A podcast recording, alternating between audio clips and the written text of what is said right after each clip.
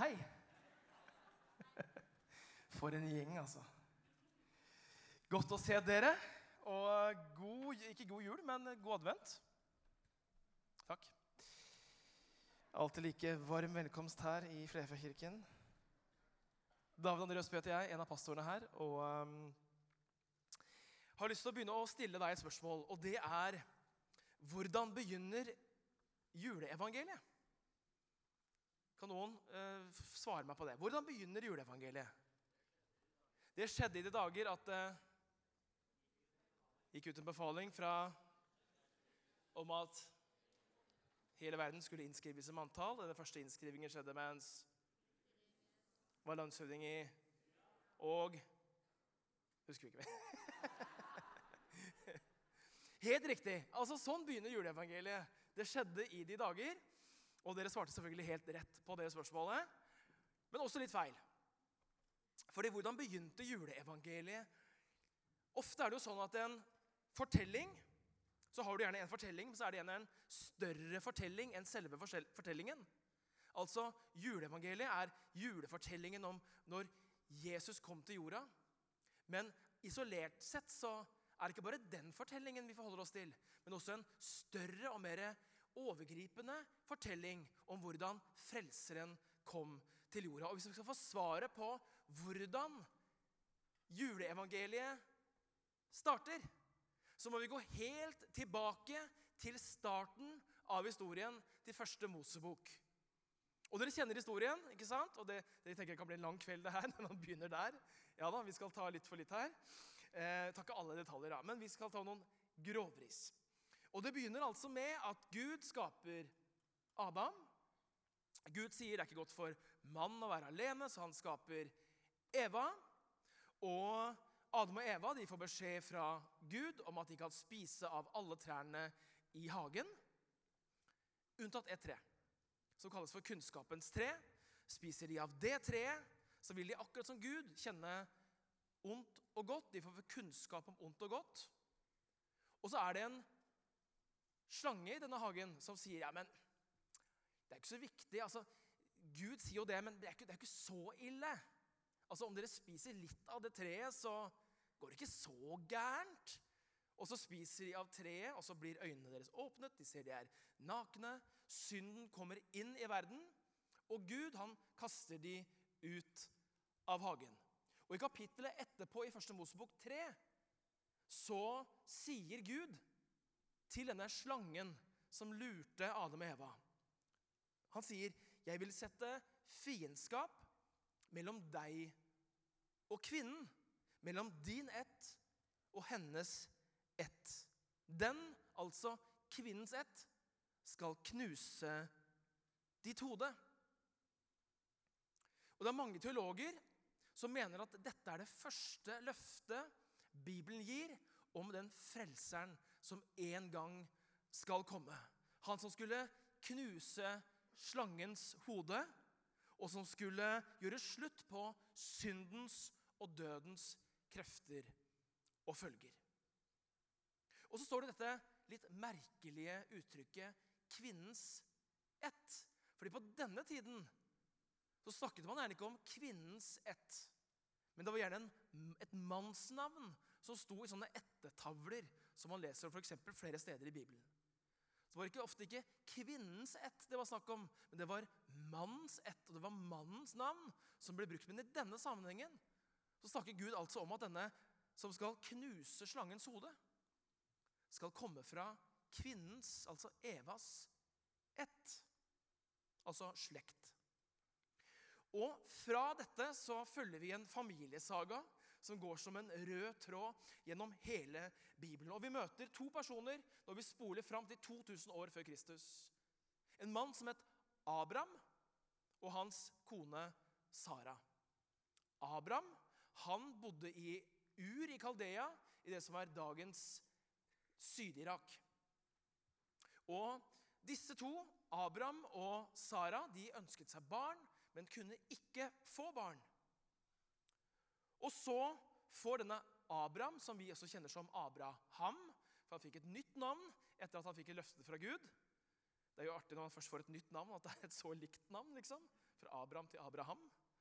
Eh, Det kunne vært noe mer fancy, syns jeg, men eh, sånn er det i hvert fall. Abraham kjenner vi han som. Og Herren sa til Abraham, står det, dra bort fra landet ditt og fra slekten din og fra farshuset ditt til det landet som jeg skal vise deg. Så Gud ber altså Abraham, eller Abraham om å forlate det stedet han bor, det som er trygt, det som representerer rammer, trygghet, sikkerhet, framtid.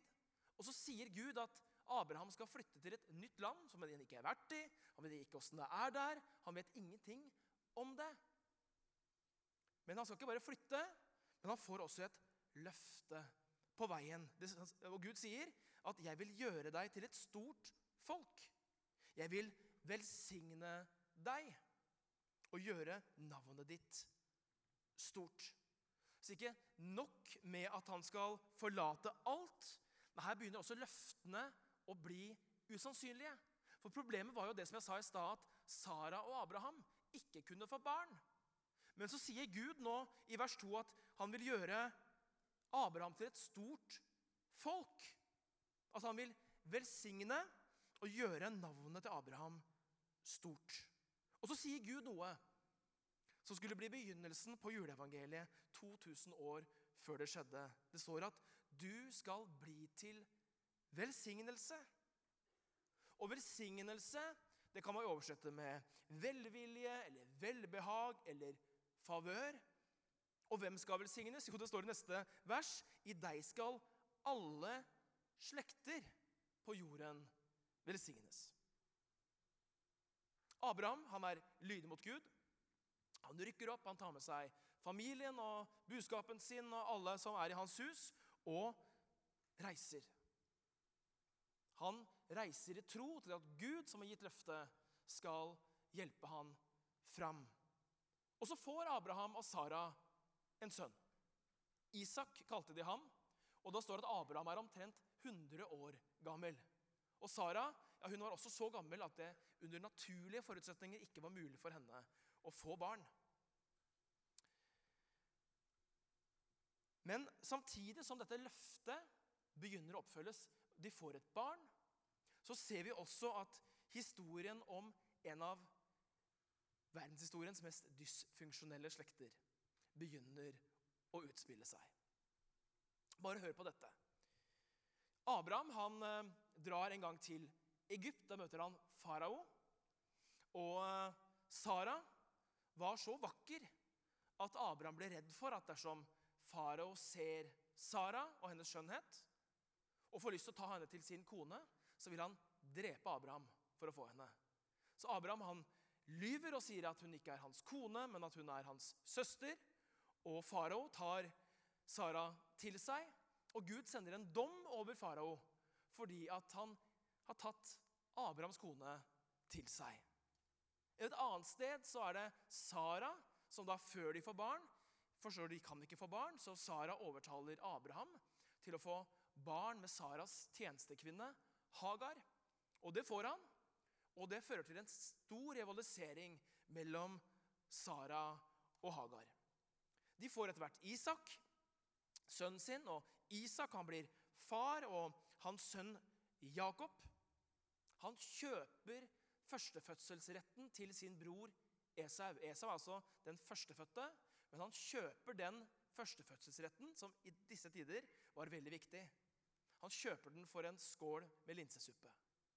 Og ikke nok med det, så lurer han faren sin, så han går inn til Jakob sin far, og så, eh, unnskyld, Isak sin far, og så utgir Jakob seg for å være broren Esau, for å få farens velsignelse. Og På denne tiden så var det å bli velsignet veldig viktig. For for Esau, som gikk glipp av farens velsignelse, så var det det samme som en forbannelse. Og Esau blir ikke blid. Han setter etter Jakob for å ta livet av ham. Og de to brødrene de lever i krig. Jakob han får tolv sønner. Og den yngste sønnen han eh, selger han selges av brødrene sine til slavehandlere fra Egypt. Josef het en sønn. Og Så går de tilbake til faren, og så lyver de til faren sin Jakob og sier at Josef han ble drept av ville dyr. Etter hvert så må Jakob og hele familien dra til Egypt. For det er hungersnød i landet, og de måtte dra til Egypt for å prøve å få noe mat. De ender, hele familien, i slaveri i Egypt, og det gjør etter hvert også hele Israelsfolket. Og Gud sender Moses for å fri Israelsfolket ut fra Egypt. Han fører israelittene ut gjennom Rødehavet, inn i ørkenen, i 40 år. Og hvis du var israelitt den gangen og gikk rundt i ørkenen, så ville du tenkt Hva i all verden skjedde med det løftet som Gud ga vår stamfar Abraham? Det var jo noe så voldsomme greier om velsignelse, og at hele jorden skulle velsignes. og Her går vi og tråkker, og ja, vi er ikke mye til velsignelse. Og er det noen som trenger velsignelse nå, så er det egentlig oss.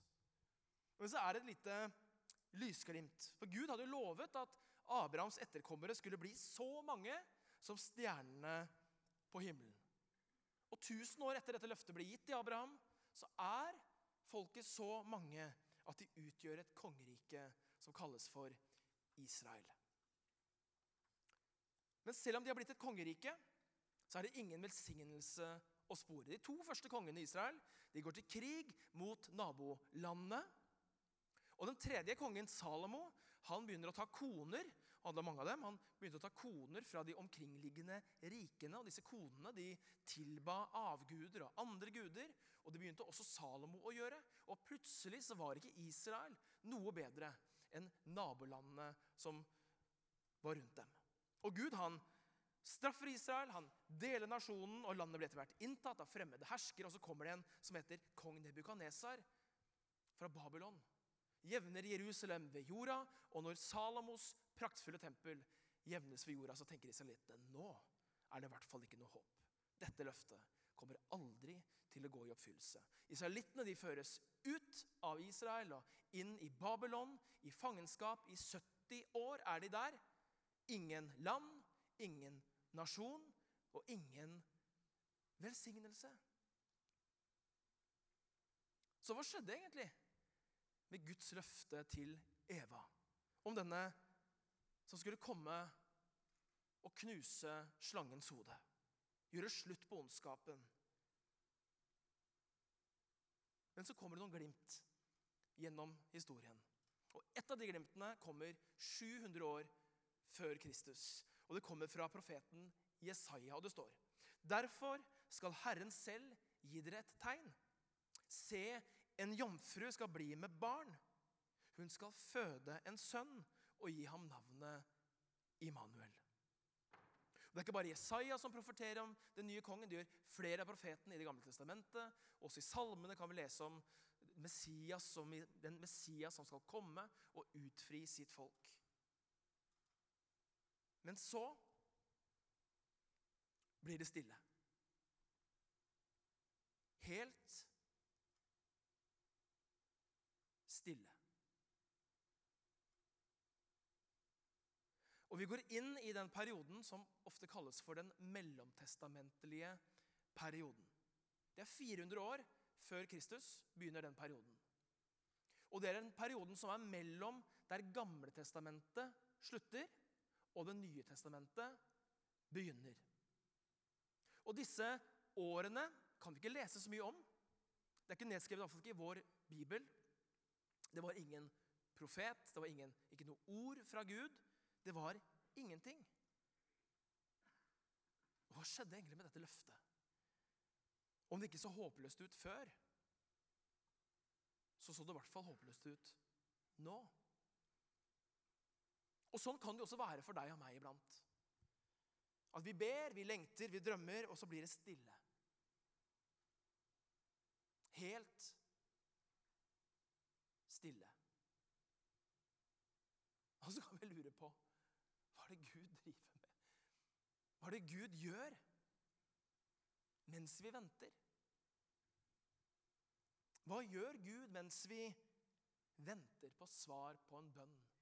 Hva gjør Gud mens vi venter på en å dele livet vårt med, eller venter på at de vi ber for, skal komme til tro, eller venter på at de vi drømmer om, skal skje? Og i de stilleste årene i Bibelen så gjør Gud tilsynelatende ingenting. Dersom vi kun ser på det synlige. Men i ettertid så ser vi at Gud gjør en hel del. I det usynlige så var det en aktivitet av en annen verden. Gud han forberedte og han tilrettela for det som skulle skje, med en presisjon som bare han kan. Og Noen ganger er det sånn at vi ser Guds trofasthet best i fortiden. Og jeg har levd lenge nok til å kunne si det. At ofte så ser vi ikke så lett Guds trofasthet, nærvær, i vår nåtid. Men vi ser Guds trofasthet i, for, i fortid. Når vi kikker oss i bakspeilet, så ser vi at Gud var med. Ja, Gud var der allikevel. Ja, vi kunne ikke se han, men han var der. Vi kunne ikke høre han, men han jobbet, og han gjorde noe på våre vegne i det usynlige. Vi kan si at selv om Gud kan bli usynlig for oss, så betyr det ikke at Gud er uvirksom. Og mye skjedde. Og vi som er interessert i historie, vi kjenner sikkert til en mann som het Alexander. Kom fra Makedonia. Alexander den store ble han kalt. Og han utbredte et av de største rikene i den, den tidens verden. Og det riket som Alexander erobret, det gjorde han på tolv år. Og det strakte seg fra middelhavsområdet gjennom Midtøsten og helt til India. Og Det som skjedde med dette riket, var at dette riket fikk et språk. Gresk ble et slags verdensspråk. For første gang så fikk store deler av verden et felles språk. Og gamle, Det gamle testamentet, som var skrevet på hebraisk, ble plutselig oversatt til gresk. Verdensspråket. Så de løftene, de profetiene som Gud hadde gitt til sitt folk gjennom alle år på hebraisk, det ble plutselig forståelig for folk flest. Og så kom Romerriket. 27 før Kristus ble Romerriket etablert, men det ble skjedde gjennom århundrer med kriger, kamper. Men nå var det fred, og romerne de kunne fokusere på Istedenfor å kjempe hele tiden, så kunne de fokusere på å bygge veier, de kunne fokusere på å bygge infrastruktur, de kunne fokusere på å bygge havner og byer. Og sammen med en gjeng fra kirken her så var jeg et sted som het Cesarea Maritima, eller Cesarea ved havet, i april. Og Cesarea ved havet det ble bygd av Herodes den store, 25 før Kristus. Og Der bygde de en by. Det var et romersk hovedkvarter, men det var også en havn som de anla der. En havn som var den, den tidens største havn. Og I den, denne, denne, byen, Cesarea ved havet, så var det også en stor, tidlig kristen kirke. Og Paulus selv brukte også havna som romerne hadde bygd, til å seile ut i verden med evangeliet om Jesus Kristus. Selv om Gud er usynlig, så er han ikke uvirksom. Og ser du hva som hadde skjedd? Jo, plutselig så var verden forandret. Plutselig så var tiden der. Plutselig så lå ting til rette. På en måte som gjorde at tiden var inne. Og så leser vi i Lukas 1, 26. Men da Elisabeth, altså en slektning av Maria, var i sjette måned, ble engelen Gabriel sendt fra Gud til en by i Galilea som het Nasaret. Til en jomfru som var lovet bort til Josef, en mann av Davids ett. Jomfruens navn var Maria. Engelen kom inn til henne og sa, 'Vær hilset, du som har fått nåde. Herren er med deg.' Og I eldre oversettelse så står det også, 'Velsignet er du blant kvinner'. Jeg skjønner ikke hvorfor de har tatt ut det. Det er et fantastisk vers. Velsignet er du blant kvinner. Eva var jo kvinnen som ble forbannet. Første Mosebok så står det at hun skulle få en ett som skulle knuse slangens hode. Men nå er det altså en ny Eva, en kvinne som var ikke forbannet, men velsignet. Hun er ikke skyldig som Eva, men hun var uskyldig, og hun var ren. En jomfru skulle bli frelserens mor, en ny Eva. Og så står det videre Hun ble forskrekket over engelens ord og undret seg over hva denne hilsen skulle bety. Men engelen sa til henne, 'Frykt ikke, Maria, for du har funnet nåde hos Gud.' 'Hør, du skal bli med barn og føde en sønn, og du skal gi ham navnet Jesus.' Og så sier engelen, 'Han skal være stor.' Husker dere hva Gud sa til Abraham? At han skulle få et stort navn? Nå fikk Abraham en etterkommer som skulle være stor og kalles den høyestes sønn. Og Herren Gud skal gi ham hans far Davids trone. Han skal være konge over Jakobs hus til evig tid. Det skal ikke være ende på hans kongedømme. Det løftet som Gud ga til Abraham, begynner endelig å skje. Og så står det Den hellige ånd skal komme over deg, og den høyestes kraft skal overskygge deg. Derfor skal barnet som blir født, være hellig og kalles Guds sønn. Og hør, din slektning Elisabeth venter en sønn, hun også, på sine gamle dager. Kjenner dere igjen? Det var en som het Sara, som fikk barn på sine gamle dager.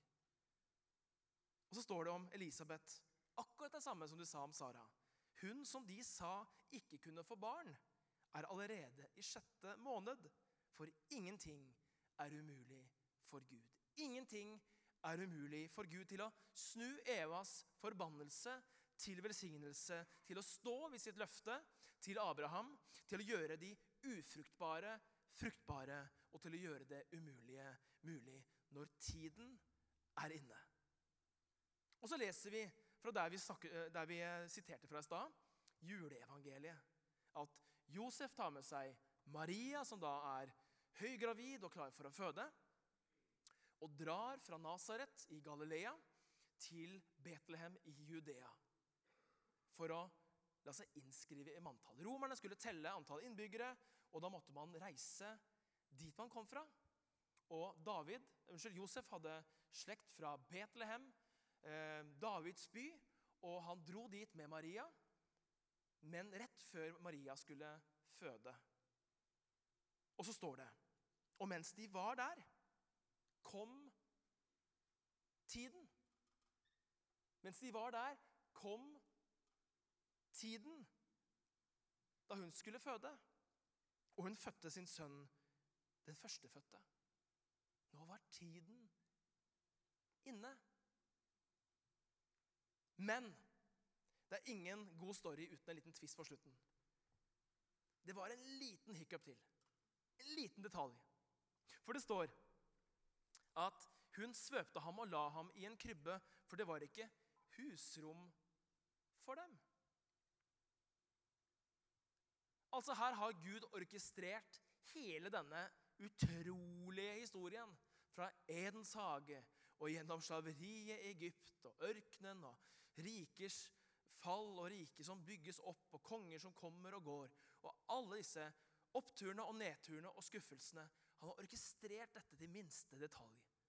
Men så gjenstår det en sånn bitte, bitte liten detalj at når Guds sønn, verdens frelser, skal fødes, så er det ikke noe sted han kan bli født. Det er ikke noe rom ledig. Og klart, note to self, Man drar jo ikke til Betlehem selvfølgelig midt under en folketelling. Det er et godt tips til dere i hvert fall hvis dere skal på tur. Ikke dra til Betlehem når det er folketelling. Det er som å dra til en stor, europeisk storby midt under fotball-VM. Det er jo umulig å få et hotell. Men man skulle jo tro at den himmelske administrasjonen hadde tenkt på dette lille problemet. De hadde jo tross alt noen år på seg. Men frelseren blir født, han. Og det går som Gud hadde lovet. Barnet blir født og lagt i en krybbe.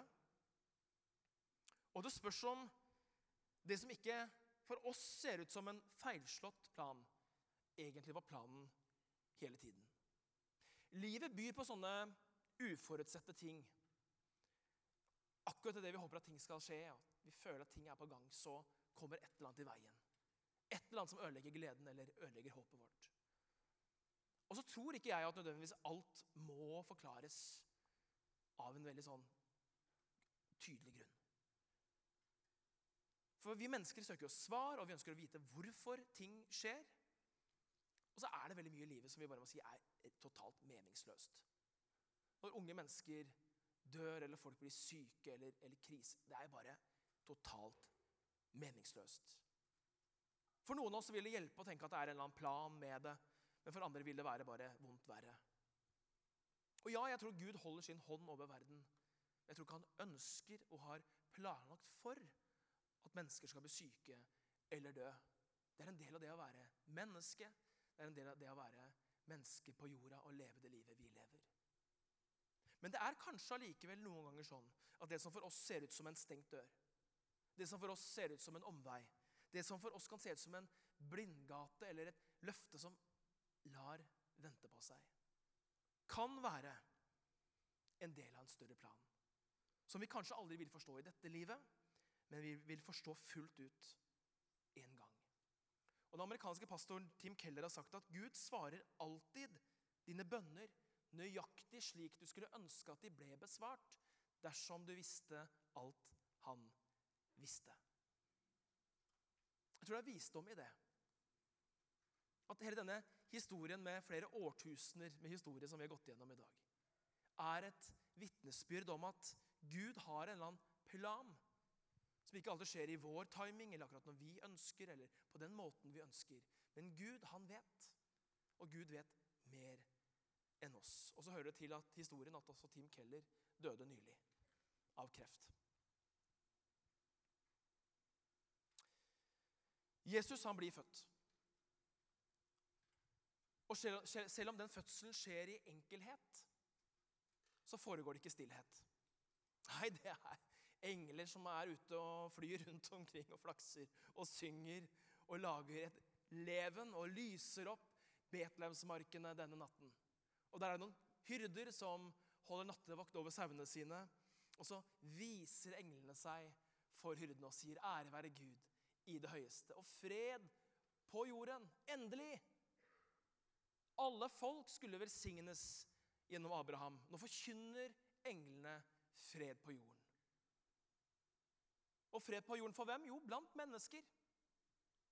Og ikke bare blant mennesker, men mennesker som har Guds velbehag.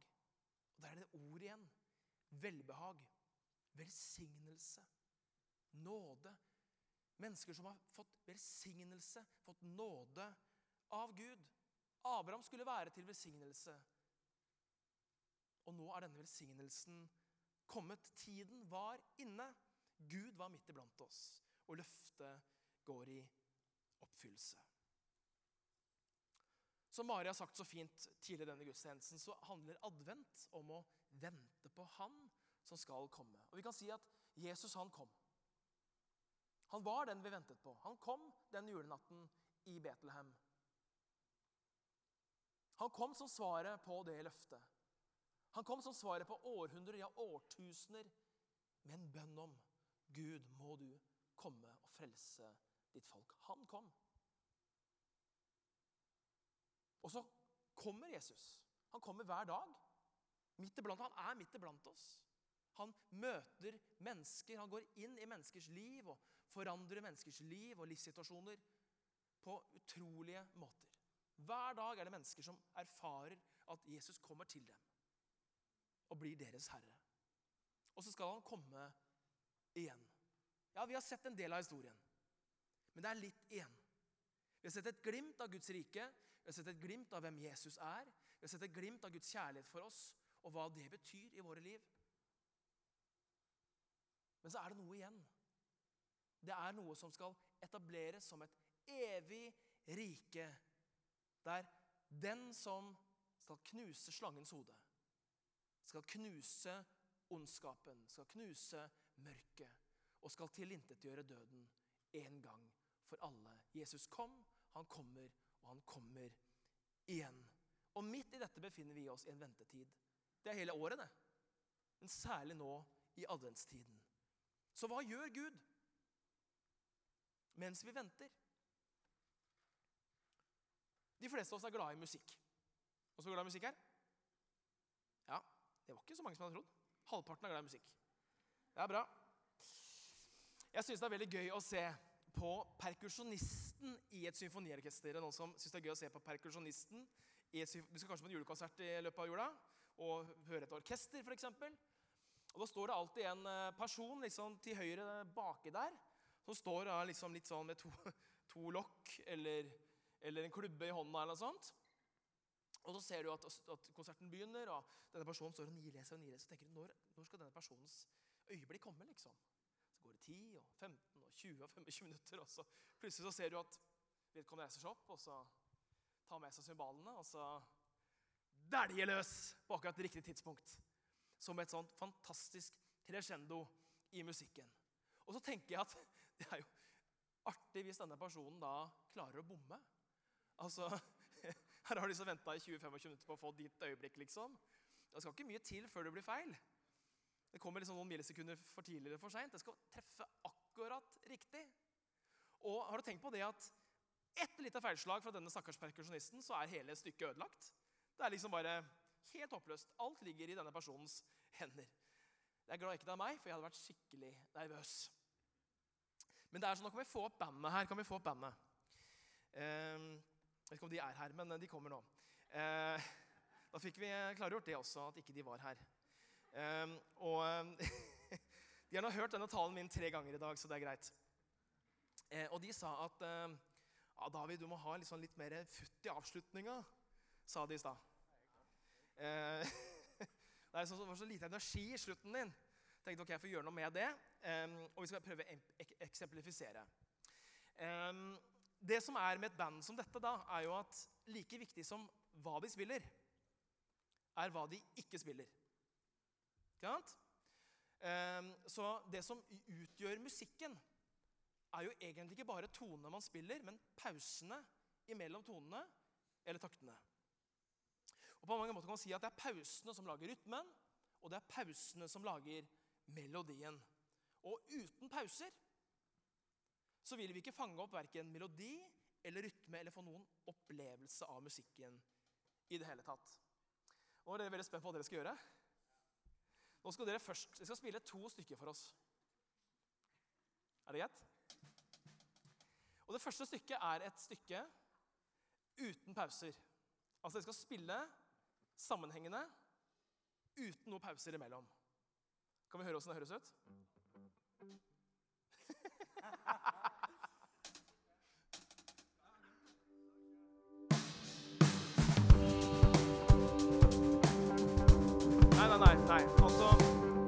altfor bra. Altfor alt bra. Nei, nei, nei. nei. Altfor rytmisk. Bli med, du òg.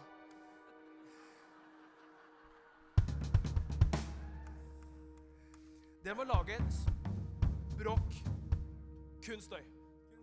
Sammenhengende. Én, to, tre, kjør på!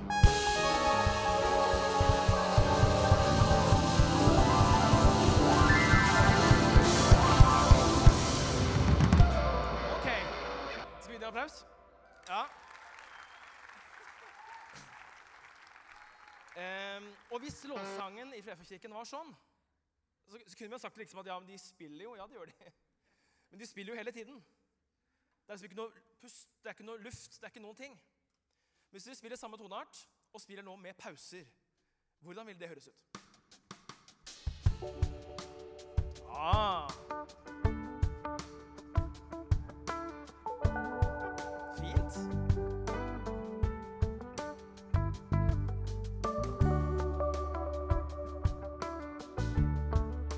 Skikkelig fint.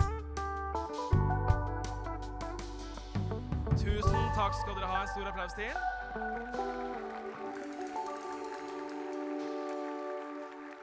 Kjempefint.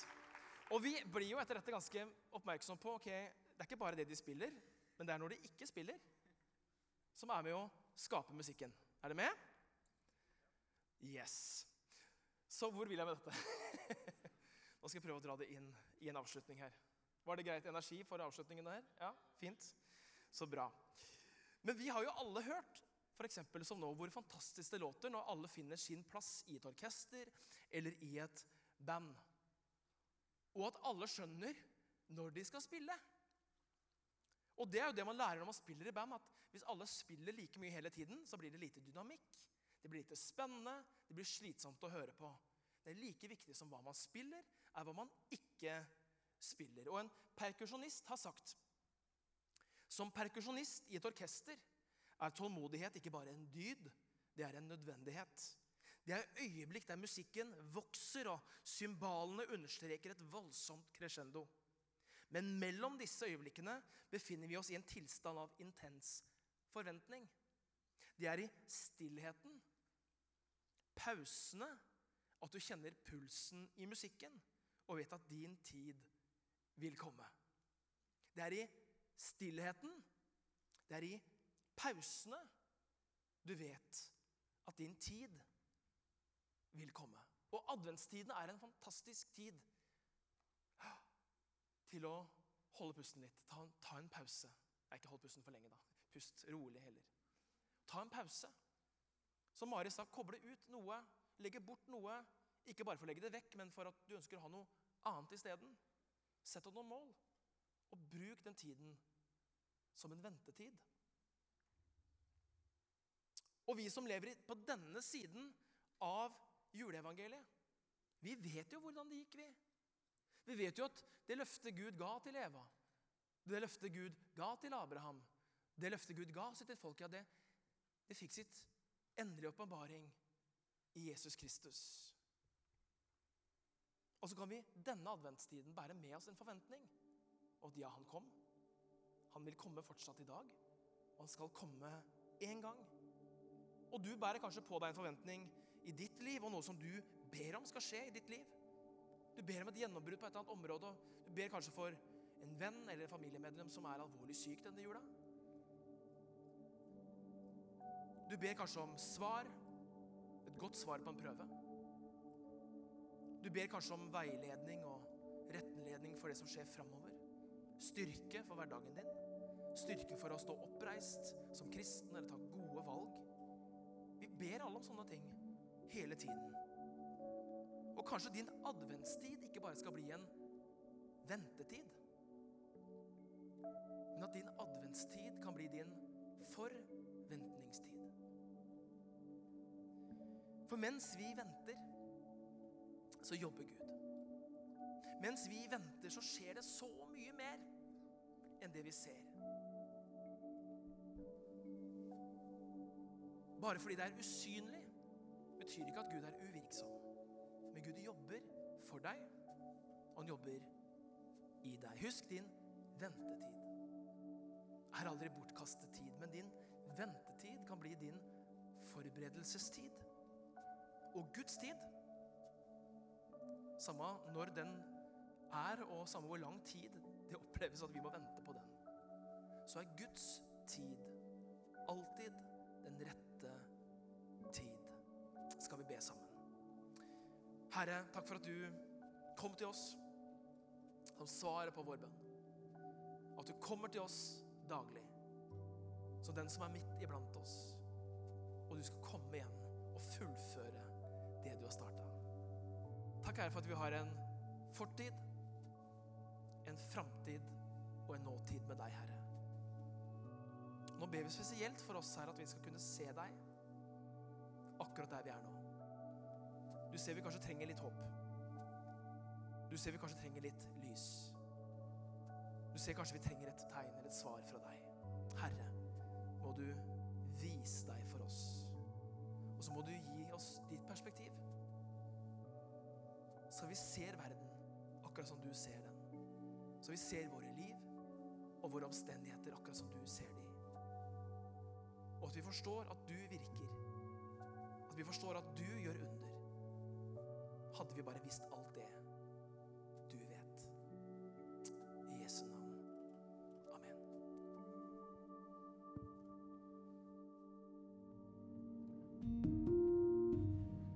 Du har nå hørt en podkast fra Filadelfia-kirken i Oslo. Vil du vite mer om oss, gå inn på filadelfia.no. Og ikke minst velkommen til å feire gudstjenester med oss hver eneste søndag, enten fysisk eller online.